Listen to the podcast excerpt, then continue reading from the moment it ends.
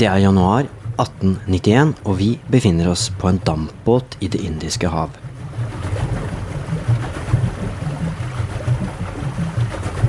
En ung og ganske liten japansk mann demonstrerer judo for de andre passasjerene på båten. Den unge mannen blir etter hvert utfordret til kamp av en stor, sterk og robust russisk offiser. Russeren har ikke noe tro på disse såkalte effektive teknikkene. Russeren angriper den japanske mannen, som på sin side beveger seg lynraskt og kaster motstanderen i bakken, samtidig som han tar seg bryet med å beskytte hodet til russeren idet han lander på dekket på båten etter et luftig svev. Det har samlet seg en god del passasjerer rundt for å se på dette opptrinnet, og publikum lar seg imponere. Den unge mannen forklarer tilskuerne at han har brukt japansk judo. Russeren, som nå har karret seg opp på bena igjen, spør den unge mannen om hva han heter, og han svarer Kano Jigoro. De to mennene hilser hjertelig på hverandre, det klappes begeistret rundt de to karene, og da båten ankommer Yokohama, har dette opptrinnet allerede blitt en nyhetssak i de lokale avisene. Igor Okano, som vi gjerne kaller denne mannen, går i land i Yokohama. Der blir han møtt av sine nærmeste elever og tilhengere, og de går derfra med ett tydelig oppdrag – spre Kodokan judo over hele verden.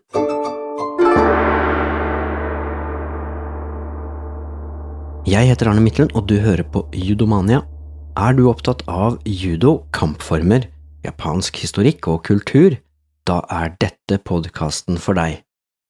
I denne episoden skal det handle om den japanske tegneserien Judo no Rekishi Kano Jigoro no Shugai, som altså betyr historien om judo og livet til Jigoro Kano.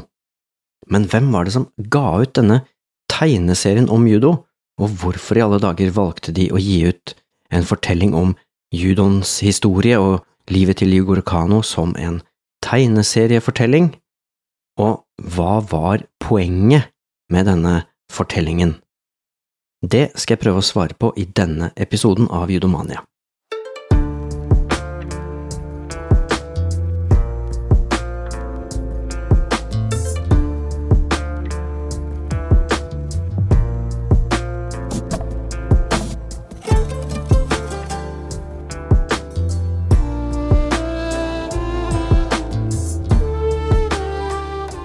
Fortellingen du nettopp hørte, er et utdrag fra en tegneserie om judo. Og den eh, tegneserien ble publisert i 1987, bare ett år før 50-årsdagen for Igor Kanos død skulle markeres. Og da hadde jeg trent judo i fire år, så jeg fikk nok ikke med meg at denne tegneserien ble utgitt uh, da. Det var i det hele tatt lite tilgang til litteratur og tegneserier om judo i det hele tatt her på berget. Tegneserien hadde som mål å vise historien om judo basert på fakta, og Kodokan-senteret i Tokyo hadde redaktøransvar for innholdet, og de skulle altså kvalitetssikre informasjonen. Så kan man jo selvsagt litt kritisk spørre seg om i hvilken grad Kodokan-senteret, som ble grunnlagt nettopp av Jigoro Kano, kan være i stand til å kvalitetssikre en biografi om livet til den samme Jigoro Kano. For her har nemlig Kodokan alle muligheter til å velge én vinkling. Hvordan ønsker de at Jigoro Kano skal framstå? Og det finnes det sikkert mange svar på, men det starter iallfall ganske godt og i tråd med andre kjente kilder. Åpningsscenen fra tegneserien finner vi også gjengitt i boka The Father of Judo av Brian N. Watson. I boka så starter dette opptrinnet litt annerledes. Der er det to passasjerer som måler styrken sin mot en stor og sterk russisk offiser. Disse to, en nederlender og en sveitser, forsøker å skyve en jernstang som holdes fast av russeren, uten å klare å rikke den en eneste centimeter. Igor Kano var vitne til dette opptrinnet her, og han skal ha sagt til en russisk eh, person som sto og så på, at din landsmann er veldig sterk, men jeg er sikker på at jeg kan holde ham fast, og at han ikke vil være i stand til å unnslippe grepet mitt. Igor Kanos kommentar førte til latter blant de som sto nærmest, og som hørte hva han sa, og utfordringen ble umiddelbart akseptert. Ok, hold meg fast, sa den storvokste russeren. De to karene la seg ned på dekk, og Igor Kano festet et holdegrep i russeren, og her er det ikke spesifisert hvilket holdegrep han brukte. Det viste seg at uansett hvor hardt russeren prøvde å vri seg unna, så klarte han ikke å unnslippe grepet til Igor Og etter en liten stund så bytta de roller, og russeren holdt Igor fast, men da tok det bare noen sekunder før han hadde klart å frigjøre seg fra grepet til den russiske offiseren. Herfra så utvikla hele dette greiene seg til en judodemonstrasjon, der Igor Kano viste mer judo for passasjerene. De hadde blitt veldig nysgjerrige på hva Igor Kano holdt på med, og det var i løpet av denne demonstrasjonen at Igor Kano også kastet russeren i bakken, samtidig som han passet på å beskytte hodet til vedkommende idet han landet på dekk. I ettertid så skal Igor Kano ha sagt hver gang han ble spurt om denne hendelsen, at han var mer stolt av å ha klatret opp på toppen av en av pyramidene enn av å gjennomføre denne judooppvisningen. Grunnen til at Igor Kano i utgangspunktet var på dette skipet i det hele tatt, var at han hadde vært eh, i Egypt i egenskap av sin rolle som medlem av Den olympiske komité, IOC. Akkurat som i tegneserien så ble Igor Kanos oppvisning på skipet omtalt i de lokale avisene i Yokohama, så her stemmer jo tegneserien og virkeligheten veldig godt overens. Men i denne episoden så skal vi ikke fokusere på den virkelige fortellingen, vi skal heller se litt nærmere på innholdet i tegneserien.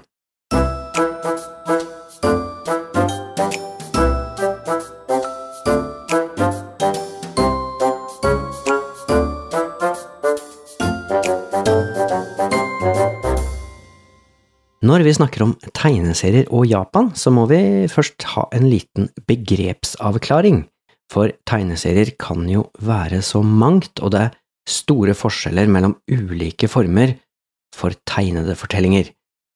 Den typiske tegneserien i vår del av verden har barn og unge som målgruppe, eller kanskje noen ekstra nostalgiske voksne også. Det fins jo selvsagt unntak, men de aller fleste tegneseriene i Vesten er tegnet for barn.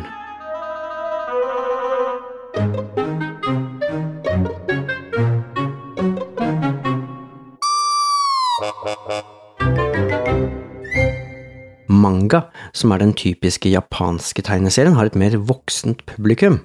Men det er flere åpenbare forskjeller enn bare det som har å gjøre med aldersgruppa tegneserien henvender seg til. For det første så leses jo manga på den japanske måten, fra høyre mot venstre, altså motsatt av det vi gjør i Vesten. Manga består også stort sett av bare svart-hvite tegninger. Og enkelt forklart så er en typisk mangautgivelse en tjukk bok med mange kapitler. Den består kanskje av 500 sider, mens en typisk tegneserie i vår del av verden gjerne består av kanskje 25-40-50 sider. Det er også sånn at historiefortellingen er annerledes i en manga enn i en tegneserie. I en typisk manga eksisterer hovedpersonen kun i den aktuelle mangaboken, mens i en tegneserie i vår del av verden, for eksempel i Batman eller Asterix eller Donald Duck, så finnes karakterene i flere ulike fortellinger og man kan gjerne vise til hendelser som har skjedd utenfor den konkrete historien som fortelles i det aktuelle albumet.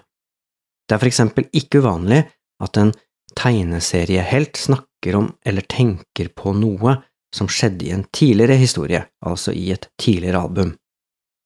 I en mangafortelling er det ingen forklaringer utenfor den fortellingen som skjer her og nå. Og det fører oss også over til den neste forskjellen mellom tegneserier fra Vesten og tegneserier fra Japan. En mangakarakter, spesielt hovedpersonen, utvikler seg i langt større grad enn en tegneseriekarakter.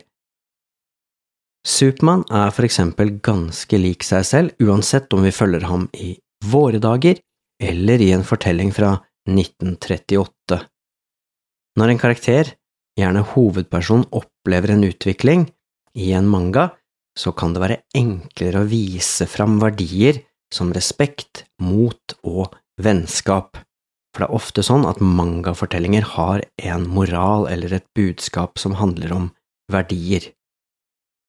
Når alt det her er sagt, så kommer jeg likevel til å bruke disse begrepene manga og tegneserier litt om hverandre i denne episoden, og jeg kommer bare til å understreke hva det er hvis forskjellen mellom de to begrepene er viktig, men for det meste så vil altså manga og tegneserie brukes som likeverdige ord.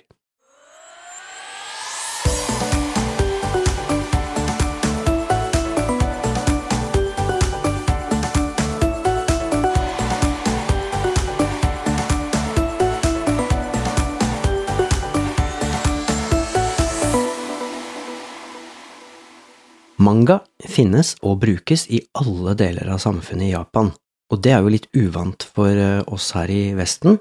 Det er for eksempel ikke uvanlig å bruke tegneserier som en del av det pedagogiske opplegget i japanske skoler, men også faktisk i høyere utdanning eller i informasjonskampanjer i regi av myndighetene. Så det japanske folket er altså vant til å forholde seg til tegneserier, også når det gjelder såkalt seriøs informasjon. For å ta noen eksempler på det her, så brukes tegneserier i sammenhenger der man skal lære om shikko-bruk, det heter edo shigusa, eller i matlaging, eller hva man bør gjøre i tilfelle et rakettangrep fra Nord-Korea. Tegneserier blir også brukt i skolebøker, og det er helt vanlig at for eksempel politiske partier bruker tegneserier når de skal forklare hva de står for. Og for noen år siden så ble det for eksempel lagd en tegneserie som skulle forklare endringer av den japanske grunnloven. Sånn sett så er det ikke unaturlig at ledelsen på Kodokan så for seg at det kunne være fint med en tegneserie om judoens opprinnelse og utvikling. Det er rett og slett, som vi har hørt, en helt vanlig tilnærming til det å presentere seriøs informasjon i Japan. Judo no rekishi kano jigoro no shugai kom altså ut i 1987, og fortellingen presenteres i form av seks bøker eller hefter, og formålet med mangaen var å tegne historien til judo basert på historiske fakta.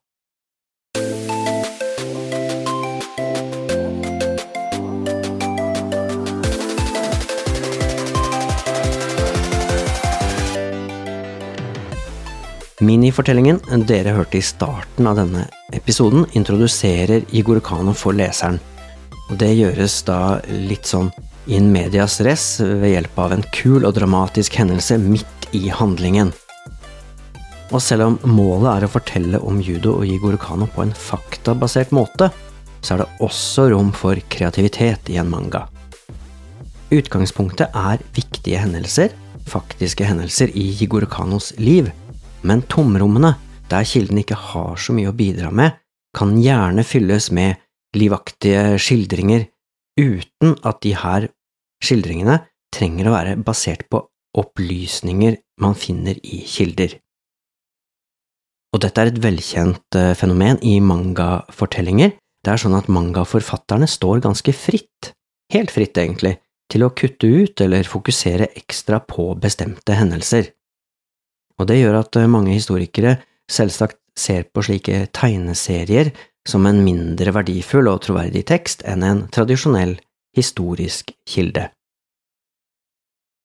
Når det er sagt, så kan det jo også være greit å huske på at en tradisjonell biografi også har rom for masse tolking og kreativitet. Ifølge Hermione Lee, som er en kjent britisk litteraturforsker og forfatter av flere biografier, så kan aldri en biografi bli en helt nøyaktig og presis gjengivelse av en persons liv. og det finnes faktisk ingen regler eller retningslinjer for hvordan en biografi skal være. Så man kan jo kanskje kalle en biografi for noe midt imellom fakta og fiksjon, og det er ikke alltid tydelig heller for leseren hva som er fakta og hva som er fiksjon. Siden man sjelden har dagboknotater, vitneobservasjoner og film- og lydopptak fra ethvert sekund i en persons liv, så må jo noe kuttes ut og legges til når man skal lage fortellingen om livet til en person.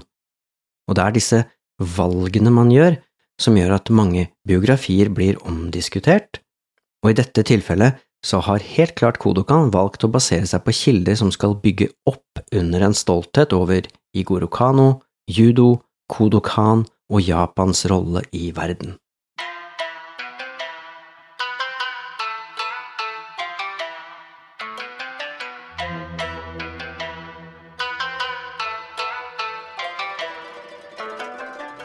Et av triksene som brukes i tegneserien om Igor Kano for å øke troverdigheten, er å legge inn faktiske sitater, tegninger som ligner på kjente fotografier av Igor Kano, og diverse fotnoter med forklaringer som knytter handlingen opp mot historiske hendelser. Og dette bidrar jo til å gi fortellingen et troverdig preg. En tegneseriebiografi kan jo også forholde seg til elementer som er vanskelig å vise i en ren tekst. Et eksempel på dette er ansiktsuttrykk og kroppsspråk og ansiktsuttrykk og kroppsspråk bidrar til å gjøre hovedpersonen mer levende for oss, men det kan også bidra til en usikkerhet om troverdigheten til det vi ser og leser. Det er jo sånn at hvis et ansiktsuttrykk ikke allerede er beskrevet på et bilde eller i en film, så blir det jo bare spekulasjoner rundt hvordan personen, i dette tilfellet Igoro Kano, så ut i de ulike eh, situasjonene han var involvert i. I dette tilfellet er det også Kodokan som kontrollerer hvem som kan lese og bruke innhold fra Igor Kanos dagbøker. Dermed har de ganske god kontroll på den informasjonen og den vinklingen og tolkingen som er mulig når det gjelder livet og meningen til judons grunnlegger. Et tydelig tegn på hvem som er målgruppa for tegneserien om Igor Kanos judo, er måten den er tegnet på. Den er tegnet med en litt røff tegnestil som er typisk for shonen manga.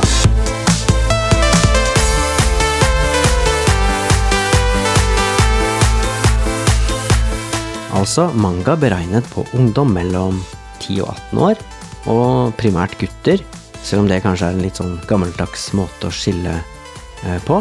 Eh, tegneserien om Migor Kano og Judons historie har sannsynligvis et bredere nedslagsfelt enn kun gutter mellom 10 og 18 år. Det er annet flere sånne visuelle hjelpemidler som skal gjøre det lettere å lese teksten, og det gjør at teksten, eller tegneserien, da, kan passe for yngre lesere. Det er også forklaringer i tegneserien som gjør at folk som ikke har kjennskap til judo og judoteknikker, skal forstå hva som skjer. Men uansett hvem den egentlige målgruppa er, så vil altså mangalesere lett kunne skille shonen manga fra andre former for manga. En shonen manga-karakter har for eksempel en vanvittig piggete hårsveis, og øynene til karakterene er betydelig mindre enn for eksempel i shoujo manga, der karakterene nettopp kjennes igjen på de enorme øynene som skal uttrykke følelser på en overtydelig måte. Shonen-manga er ofte tegna med linjer som skal illustrere bevegelse og fart, og det passer bra, siden en typisk shonen-manga inneholder både action, sport og eventyr. Noen mener også at sjangeren kan være overdrevet enkel når det gjelder plottet, det er som regel snakk om kampen mellom det gode og det onde. Men på den annen side så koker vel de aller fleste fortellinger ned til nettopp det. I tillegg til disse særtrekkene jeg har nevnt nå, så har gjerne hovedpersonen i en shonen manga en motsetningsfylt personlighet. Vedkommende kan for eksempel både være hissig og rolig, klumsete og nøyaktig, eller sjenert, men med skjulte egenskaper, nærmest superkrefter. og den typiske hovedpersonen i en shonen manga legger gjerne ut på en reise der noen hindringer må overvinnes. Det er en typisk sånn heltereise eller hero's journey, ikke ulik den vi eksempel finner i Ringenes herre.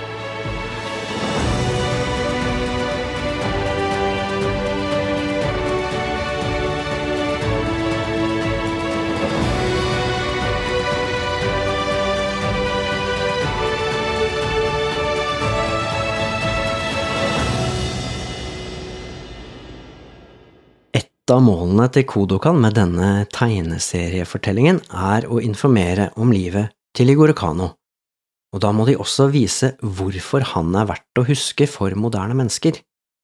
Og det gjør de ved å koble han sammen med utviklingen av det japanske samfunnet. Det var nemlig sånn at midt på åttitallet, da denne tegneserien kom ut, så hadde diskusjonene om judoens utvikling rast lenge i Japan. Det var flere som mente at sport hadde tatt over for tradisjon, og at det var en veldig negativ utvikling. Derfor er det helt tydelig at historien om judo og livet til Yugoro Kano har til hensikt å plassere sportsdelen av judo trygt og godt og midt i den tradisjonelle delen av judo, der det er mer fokus på selvutvikling som skal være til nytte for samfunnet. Ifølge tegneserien så bidrar judo til utviklingen av både individer, samfunn og nasjon. Og denne sammenhengen kommer jo tydelig fram allerede i åpningsscenen som du fikk gjengitt i starten av denne episoden. Her understrekes det at dette er japansk judo, og dette er samuraienes måte å kjempe på. På den måten så kobles det moderne sammen med det tradisjonelle, og Tegneserien viser på den ene siden at judo ikke har glemt sin tradisjonsrike bakgrunn, men den viser også at judo er en moderne idrett, klar for å møte den nye tida og nye krav til hvordan man skal trene på kampformer.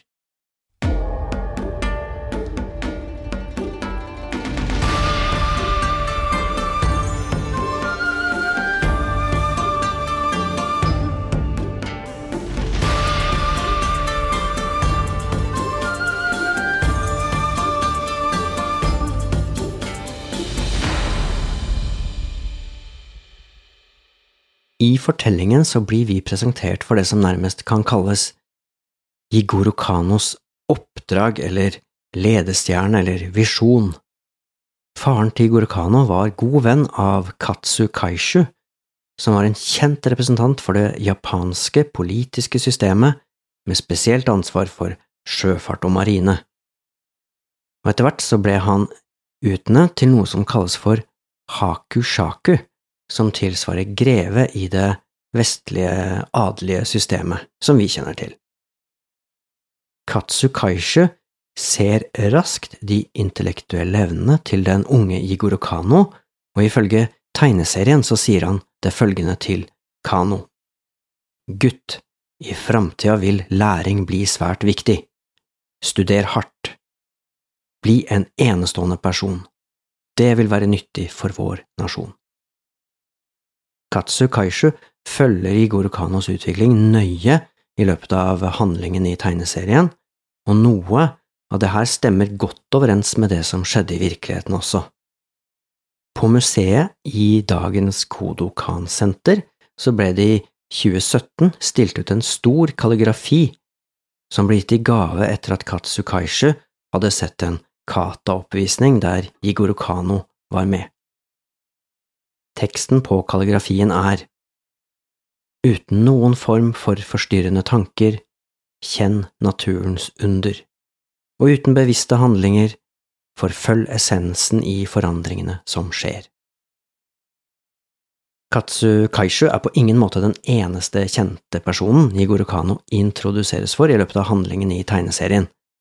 Vi kan nevne den amerikanske presidenten Ulysses Grant, Shibusawa Aichi, som var en viktig industrieier, Togo Heihachiro, som var en av admiralene som var med på å beseire den russiske flåten i 1905, og Wakatsuki Reijiro, som var statsminister.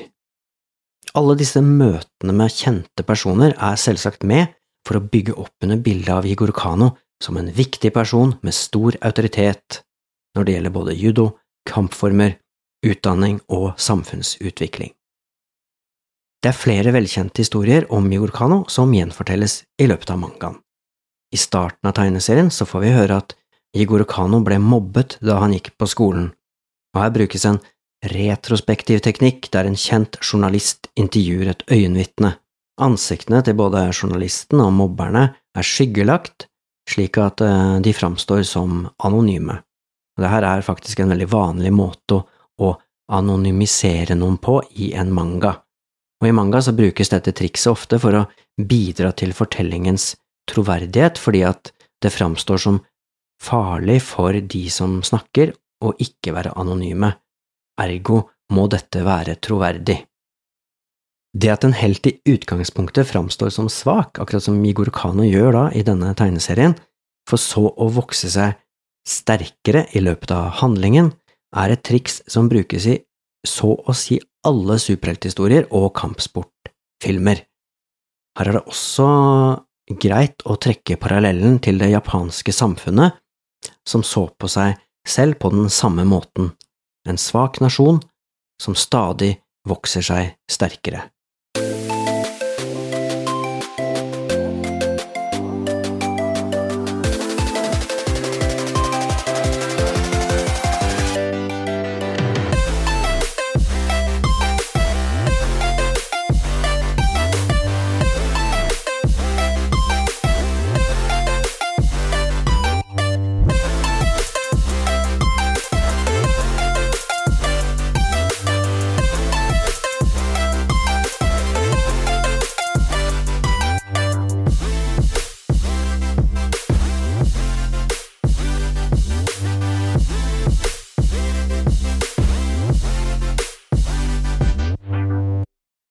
Jigoro Kano la selv stor vekt på hvordan fortellingen om kampen med den russiske offiseren kunne bidra til å styrke det positive synet man burde ha på Japan i den vestlige verden.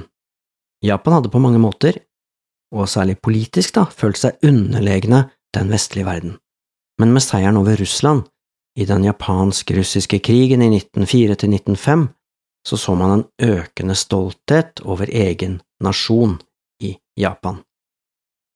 Når Jigoro Kano kaster russeren i bakken, men samtidig beskytter hodet til vedkommende, så understreker det at det japanske samfunnet består av framgangsrike folk med høye etiske og moralske standarder.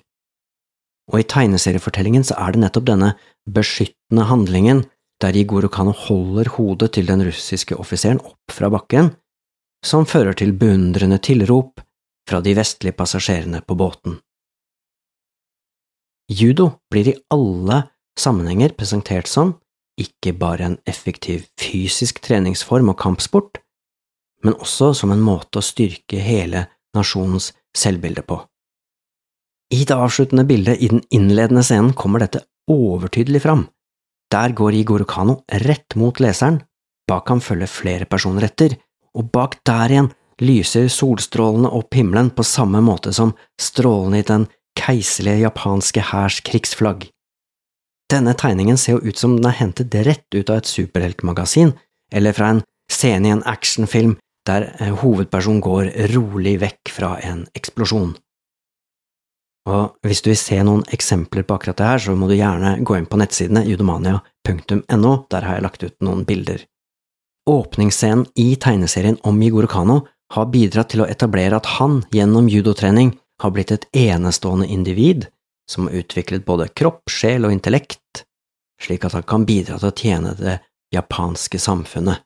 Tegneserien prøver altså å vise at Kodokan og det japanske samfunnet er én en enhet. Men selv om alt dette er vel og bra, så ville det jo blitt kjedelig og lite framdrift om ikke hovedkarakteren i historien, altså Igor Kano, ikke opplevde noen utfordringer på veien. Derfor må han vinne over seg selv for å kunne bli den personen han håper å kunne være. Det ligger altså an til en typisk heltefortelling der hovedpersonen, Igor Kano, må komme seg gjennom flere prøvelser på sin vei. Og jeg røper vel ikke for mye hvis jeg sier at dette går ganske bra. Både Kodokan, Igor Kano, judo og Japan kommer ganske godt ut av dette samarbeidet. Så oppsummert så er altså judo no rekishi kano jigoro no shugai, altså historien om judo og livet til Jigoro Kano, en tegneserie som ble utgitt av Kodokan i 1987 for å informere om historien til judo og Igor Kano basert på historiske kilder. Og så har vi nå sett at eh, noe fantasi er lov, det er faktisk også helt vanlig i manga, og vi har også sett at tegneserier eller manga ikke er uvanlig selv blant voksne når man skal informere om eller sette seg inn i ulike temaer. Og så må man selvfølgelig lese denne tegneserien med et kritisk eh, blikk, fordi mye av det vi ser her, også er eh, fantasi eller kreativ skriving, kan man si.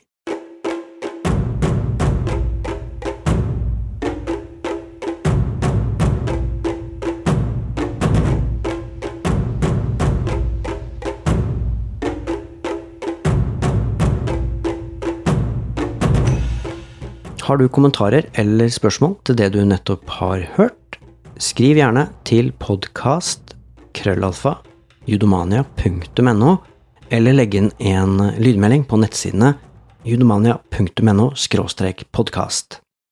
Det var alt for denne gangen. Takk for at du hørte på. Ha det bra.